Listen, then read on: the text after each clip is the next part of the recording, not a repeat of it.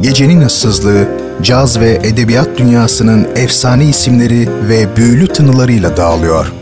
Renkli armoniler, unutulmaz sesler, tarihe iz bırakmış şairler ve yazarlar. Artık hepsi şehrin en gerçek frekansında.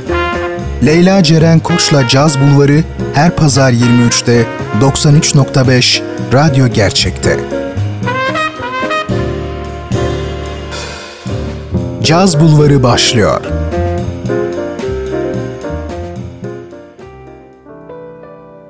Samsun'un tek caz ve edebiyat sever radyosu Radyo Gerçek'ten herkese merhabalar. Ben Leyla Ceren Koç'la birliktesiniz ve Caz Bulvarı'na hoş geldiniz. Yine bu pazar gecesi de caz ve edebiyat dünyasının iki efsane ismine ve yaşamına göz atacağız. Onları konuşacağız. İlk isim Benny Goodman olacak. Caz müziğini tüm dünyaya kabul ettiren önde gelen isimlerinden birisi ardındansa Türk Edebiyatı'nda ikinci yeninin unutulmaz isimlerinden Turgut Uyar'dan bahsedeceğiz kısaca. Şimdi her zaman olduğu gibi sizler de hazırsanız Caz Bulvarı başlıyor. Hoş geldiniz.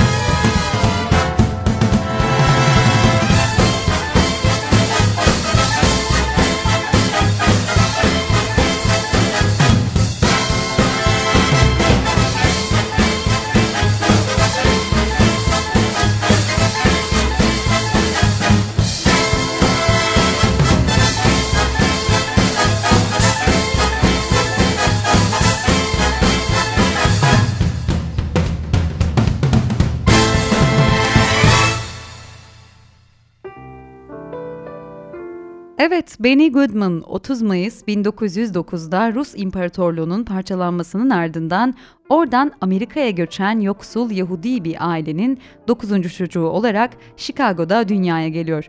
Babası Varşova'dan bölünmüş Polonya'dan Amerika'ya geliyor ve burada terzilik yapmaya başlıyor. Annesi ise Litvanya'nın Kansas kentinden. Ailesi Baltimore, Maryland'da bir araya geliyor Goodman'ın ve Benny doğmadan önce Chicago'ya taşınıyorlar. Ancak daha sonra gelir düzeyleri onları zorladığından çoğunlukla Rus Yahudi göçmenlerinin yaşadığı bir mahalle olan Maxwell Caddesi'nde e, buraya taşınmışlar ki burada koşullar aklınıza gelebilecek en korkunç haldeymiş. Öyle ki birçok ev kanalizasyona bile bağlı değil, sokaklar aydınlatmasız, insanlar çok ama çok yoksul. İşte zaten bu derece zor koşullarda yaşarlarken takdir edersiniz ki baba da çok ciddi paralar kazanamıyor. Ancak babalarının çocuklarını müziğe yönlendirmesi işte onlara yepyeni bir pencere açmış. Baba Goodman, Benny'i ve iki çocuğunu daha Kila Sinagogu'ndan müzik dersleri almaları için yönlendiriyor ve ilk olarak Benny sinagogdaki enstrümanlarla müzikle bir araya geliyor. Benny diğer çocuklardan zaman içinde sıyrılıyor ve ertesi yıl Jane Addams'ın Hull House'daki erkek grubuna katılıyor ve buraya müzik yönetmeni James Sylvester'dan küçük ücretler karşılığında dersler almaya başlamış.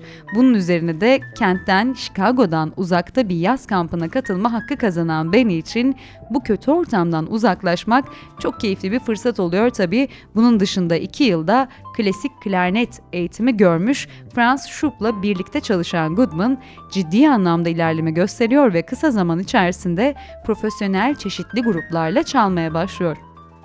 Goodman 1921'de Chicago'nun batısındaki Central Park Tiyatrosu'nda profesyonel bir başlangıç yapıyor. 1922'de Chicago'daki Harrison Lisesi'ne giren Goodman, 1923'te de Müzisyenler Birliği'ne katılmış. Goodman 16 yaşına geldiğinde ise Chicago'nun en iyi gruplarından biri olan Ben Pollack Orkestrası'na katılıyor ve ilk kayıtlarını 1926 senesinde yapıyorlar. Arada ne yazık ki acı verici bir olay oluyor ve Benny 17 yaşındayken babası vurularak yaşamını kaybediyor. Goodman'ın söylediğine göre ise babasının ölümü o döneme kadar ailelerinde yaşanan en acı olaymış. Benny Goodman babasının ölümünün ardından yine çeşitli gruplarla ve Polak Band'le çalmaya devam etmiş. Bu sırada çok başarılı bir oturum müzisyeninde oluyor ve aslında arananlar arasına da giriyor. Ve ilk kaydını da 19 yaşında Vokalyon için gerçekleştiren sanatçı bu kaydı tamamen kendi adına gerçekleştirmiş. Bu sırada Goodman ve Miller Brunswick 78 olarak piyasaya sürülen bir de eser yazıyorlar. Room 1411 adında.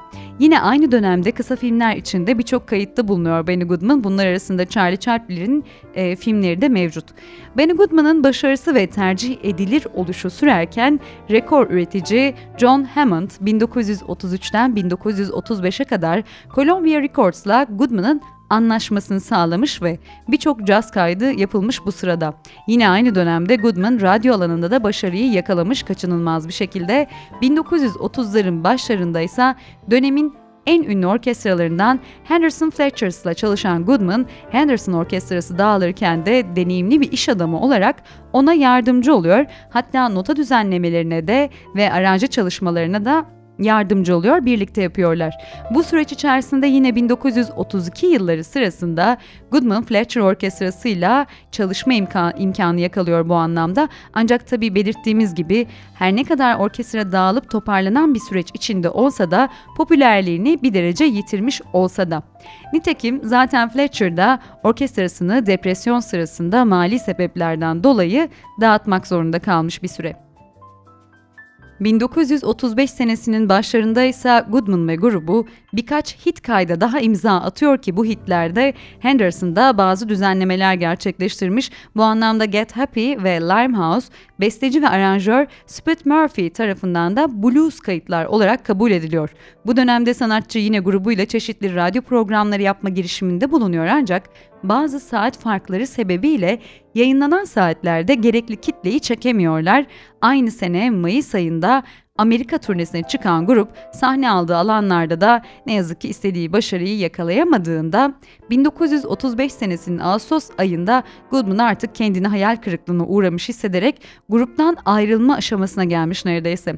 Ancak tam bu noktada Pittsburgh'da Stanley Theater'da sahne aldıklarında onları da çok şaşırtan bir kitleyle karşılaşıyorlar.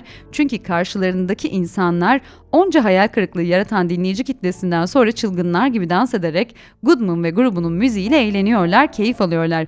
Öyle ki haberlerde yeni tür bir müziğin doğduğundan bahsediliyor. Ancak Amerika'da caz müzik adına her şey güzel giderken ve yeni bir tür doğarken Avrupa'da kabulleniş hiç de iyi durumda değil. İngiltere'de saçma bir ordu müziğine benzediğine dair telsizlere şikayetler geliyor. Alman Nazi yönetimi ise caz müziğinin Alman kültürünü yok etme amaçlı bir Yahudi komplosu olduğunu öne sürerek radyolarda yayınlanmasını yasaklıyor. Benzer şekilde İtalya faşist e, yönetimi de Yahudilerin yaptığı herhangi bir müziğin yayınlanmasını yasaklama girişiminde bulunuyor. Yani Avrupa genel bir ambargo uyguluyor bu dönemde neredeyse caz müziğine. Sonuç olarak Kasım 1935'te Goodman, Chicago'dan yapılan bir daveti kabul eder ve 6 ay kadar burada düzenli olarak sahne alıp çalar. Tabi bu çalışmaların çeşitli radyo istasyonlarından yayınlanmasıyla da birlikte popülaritesi pekiştirilmiş oluyor Goodman'ın. Ayrıca soli, e, sosyalist caz meraklılarına da 3 ayrı özel konser de veren grup yine bu dönemlerde If I Could Be With You, Stopping at the Savoy ve Goody Goody gibi hala bilinen eserleri arasında yer alan şarkıları da kaydetme imkanı yakalamış. Şimdi dilerseniz bahsettiğimiz eserlerden birkaçını ardı ardına dinleyelim. Ardından devam edeceğiz.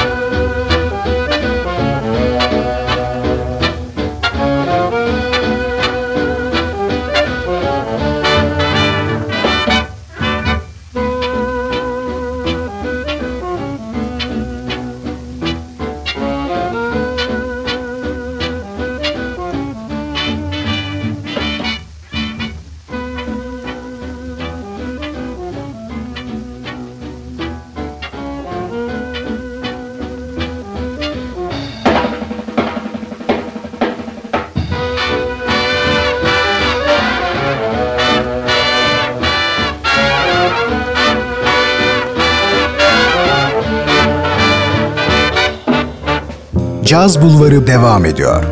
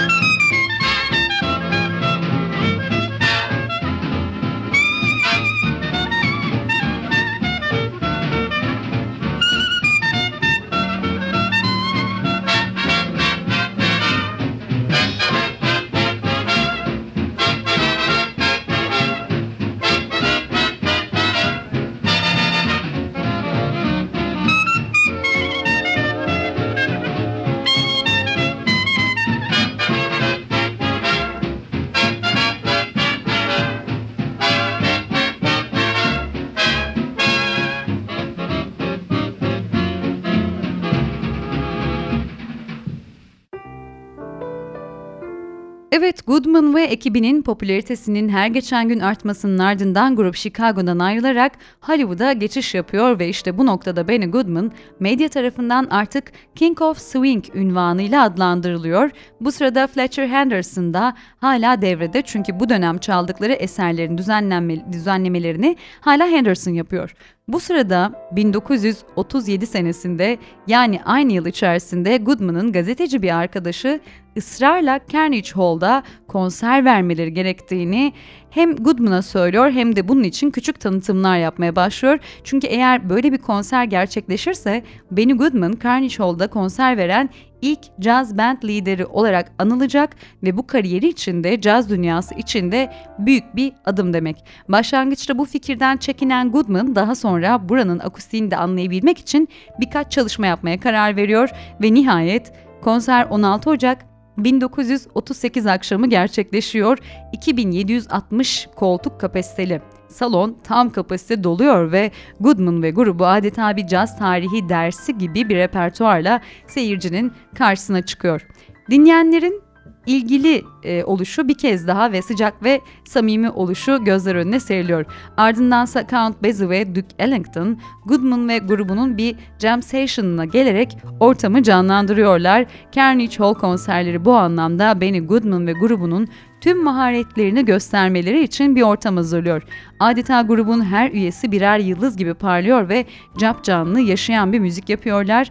Bu 1938 tarihli Carnegie Hall konseri yalnızca Benny Goodman için değil, caz tarihi açısından da büyük önem arz ediyor. Çünkü bu konserle birlikte caz ana akım dinleyici izleyici kitlesine ulaşmış oluyor artık.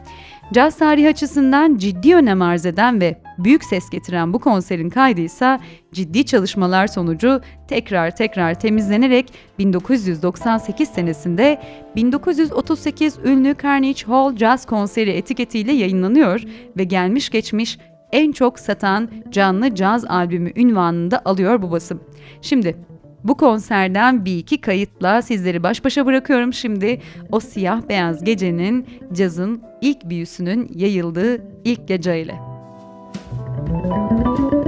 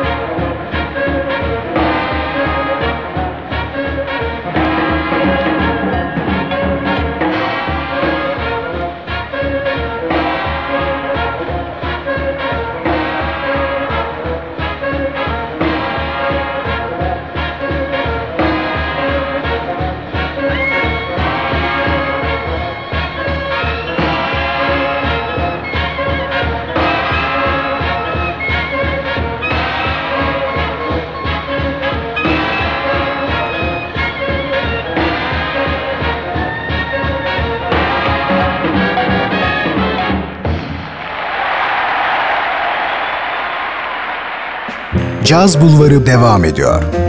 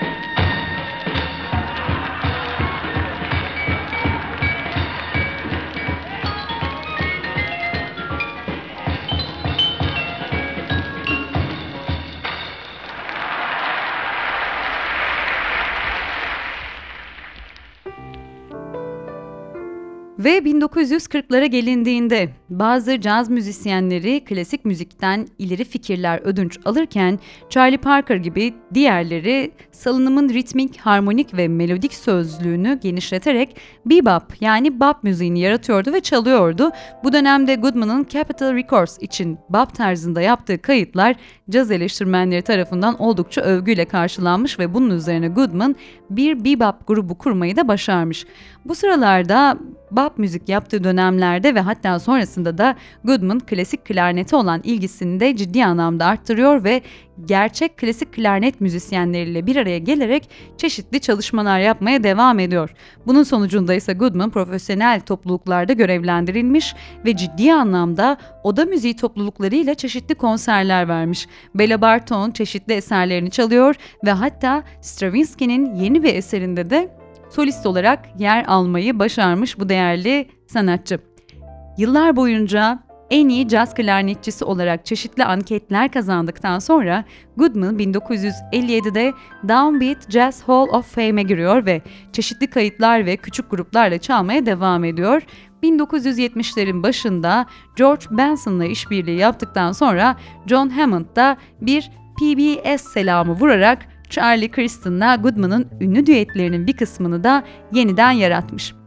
İlerleyen yıllar boyunca Goodman en iyi bilindiği swing tarzında çalmaya devam ediyor. Bunun dışında çeşitli klasik eserlerde yer almaya, klasik müziğin içinde bulunmaya ve çeşitli düzenlemeler yapmaya da aynı şekilde devam etmiş. Ara sıra da yine uluslararası bir caz festivali söz konusu olduğunda örneğin e, yeni gruplar top, toplayıp turnelere çıkmaya da aynı şekilde devam etmiş sanatçı. İlerleyen yaşına ve sağlık problemlerine rağmen Goodman son günlerine kadar sahnelerden ayrılmıyor ve çal, e, çalmaya devam ediyor diyebiliriz. Ancak 1986 senesinde ne yazık ki New York City'deki evinde kalp krizi geçerek e, yaşama gözlerini yumuyor. Ölümünün ardından aynı yıl yaşam boyu başarı Grammy ödülüyle de onurlandırılmış sanatçı.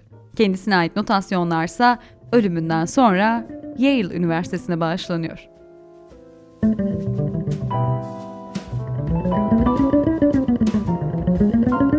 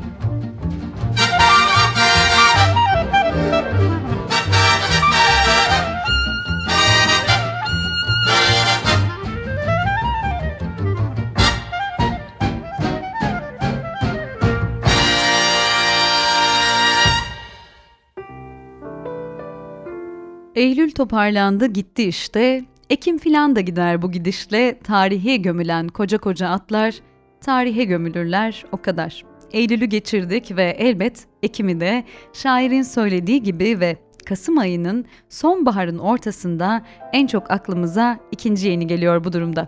Şahsen benim de en çok Turgut Uyar gelir bu mevsimde aklıma. Onun için bu gece edebiyat bölümümüzde ondan bahsedeceğiz kısaca ve belki birkaç tane de şiirini okuruz. Evet Turgut Uyar 4 Ağustos 1927 yılında 6 çocuklu bir ailenin 5. çocuğu olarak Ankara'da dünyaya geliyor. Babası Hayri Bey bir subay ve uzun zamanlar boyunca ailesinden uzakta yaşamak zorunda kalan birisi. Bu arada Baba Hayri Bey aynı zamanda da bir hattat, Ankara'nın ilk Latin alfabesiyle yazılan sokak levhalarını geceler boyu çalışarak yazmış. Belki de daha sonra yontuculukla kendini gösterecek el becerisini babasından almıştır Turgut Uyar.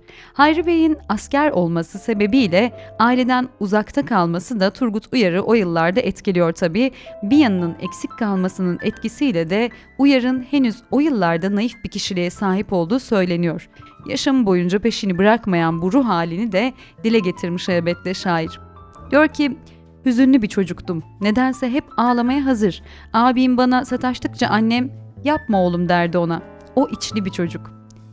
Hayri Bey'in ölümünün ardındansa aile İstanbul'a Edirne Kapı'ya göçer, ileriki yıllarda da peşini bırakmayacak hüzün o zamanlarda artık tam manasıyla çöküyor Turgut Uyar'ın üzerine.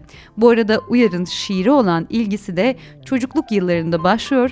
Dost dergisinde yayımlanan bir söyleşi de bu konuya şu şekilde açıklık getirmiş yazar. Daha ilkokulda vezin ve kafiyeden haberim olmadığı çağlarda manzumeler yazardım. Sonra ortaokul ve lise devresinde boyuna yazdım. Günde 3-5 şiir, haftada 15, günde bir roman yazıyordum. Ama ne şiirler ama ne romanlar. Bazen bir romanı bitirmeden sıkılır öbürüne başlardım. Sonra ikisini birden yazardım. Bu yüzden o güzelim romanların çoğu yarım kaldı. Roman yazarken sıkılırdım. Şiire daha başka bir tutkunluğum, sadıklığım, saygım vardı.'' Bereket versin o devirlerde şimdi hayırla yad ettiğim arkadaş bana Alan Furry'nin o güzelim atsız ülkesini verdi. Sonra bir Dostoyevski okudum da gücüm kesildi. İsteğim kalmadı roman yazmakta diye açıklamış kendisini. Şair lisede ise Bursa Askeri Yatılı Okulu'na gider hem de hiç mutlu değildir buradan. Ona göre kimse bu okullarda mutlu falan olamaz ancak buna rağmen lisenin ardından Askeri Memurlar Okulu'nu bitirir, genç bir subay olarak Anadolu'yu dolaşmaya başlar. Askerliğe ne karakteri uygundur dediğim gibi ne de dünya görüşü. Yıllar sonra Federico Garcia Lorca için yazdığı şiirinde şöyle diyecektir. Ben severim omuzlarımı bir gün. Sırmaları apoletleri olmasa da. Henüz askeri memurlar okulunda öğrenciyken 1947'de Yezdan Şener'le evlenerek ilk evliliğini gerçekleştiriyor şair. Bundan bir yıl sonra 1948'de Kaynak Dergisi'nin açtığı şiir yarışmasında ikinciliği kazanan Arzı Hal şiiri ilk kitabına da ismini vermiş. Bu ilk kitabından itibaren de uyar şiirlerinde hep kenti bir yaşam alanı olarak kabul eden insanın yaşanmışlığını, insani tarafının önemsenmeyerek modern tüketimin öznesi haline gelişini anlatıyor. Hatta diyor ki, İşte insanlar bu minval üzere Allah'ım. Kıt kanaat sere serpe yollar boyunca. Sen bizim için hala o ezeli sırsın. Sen de bizi bilmiş olsan başkalaşırsın. Herkesin kederi gailesi boyunca. İşte insanlar bu minval üzere Allah'ım. 1952'de Uyar'ın ikinci kitabı Türkiye'm yayımlandığında ise ön sözünde Nurullah Ataç şunları yazar. Bilmem yanılıyor muyum Turgut Uyar'ı iyi bir şair saymakla. Hiç sanmıyorum. Ne olursa olsun onun için atıyorum zarımı. Övünerek söyleyeyim şairler için attığım zar şimdiye kadar çoğu için iyi geldi. Doğru seçtiğimi gösterdi. Turgut Uyar için de iyi geleceğinden hiç şüphe etmiyorum.'' Bu arada Uyar askeri okuldan e, memur olduktan sonra 4 sene boyunca Kars'ın o dönem ilçesi olan ki bugünlerde Ardahan'ın il olmasıyla artık Ardahan'ın bir ilçesi olan Posof'ta 4 yıl kadar görev icabı yaşıyor. Ardından da daha sonra Samsun Terme'ye gönderiliyor. Bundan sonraki yıllar içerisinde de Ankara'ya tayin edilen şair nihayet 1958'de bu mesleği sevmediğini söyleyerek ordudan istifa ediyor ve SEKA'da çalışmaya başlar ki edebiyat çevresiyle tanışması da bu dönemde başlıyor. 1960'ların başında ise Uyar 3 çocuğunun annesi Yezdan Hanım'dan boşanıyor.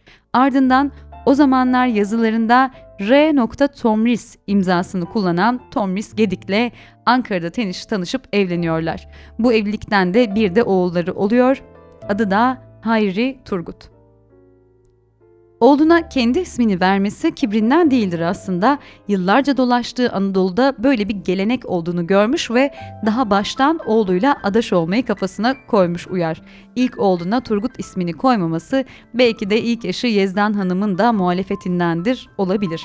Turgut Uyar'ın yazma sürecinin hem mesafe hem de anlayış olarak en yakın tanığı Tomris Uyar oluyor elbette. Tomris Hanım ve Turgut Uyar'ın aşkları ise her ikisinin edebi yanları kadar en az konuşulur e, biliyorsunuz ve Tomris Hanım uyar ve e, şiiriyle ilgili şu sözleri sarf etmiş.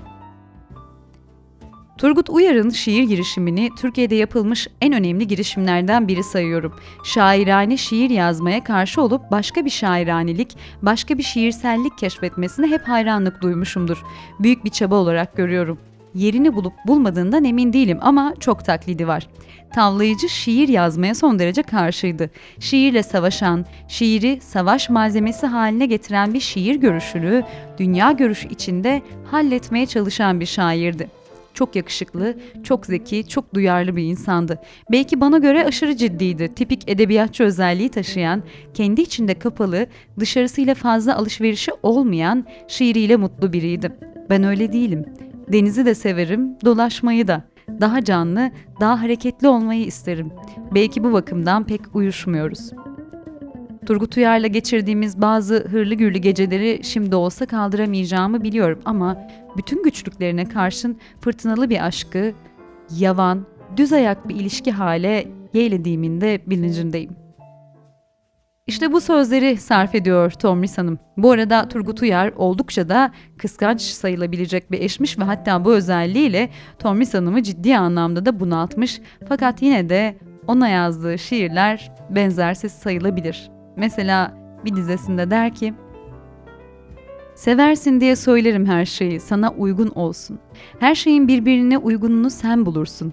Gel ellerini ver, en güzel ellerini öyle ruhum Ateş, yüreğim, kokum birlikte.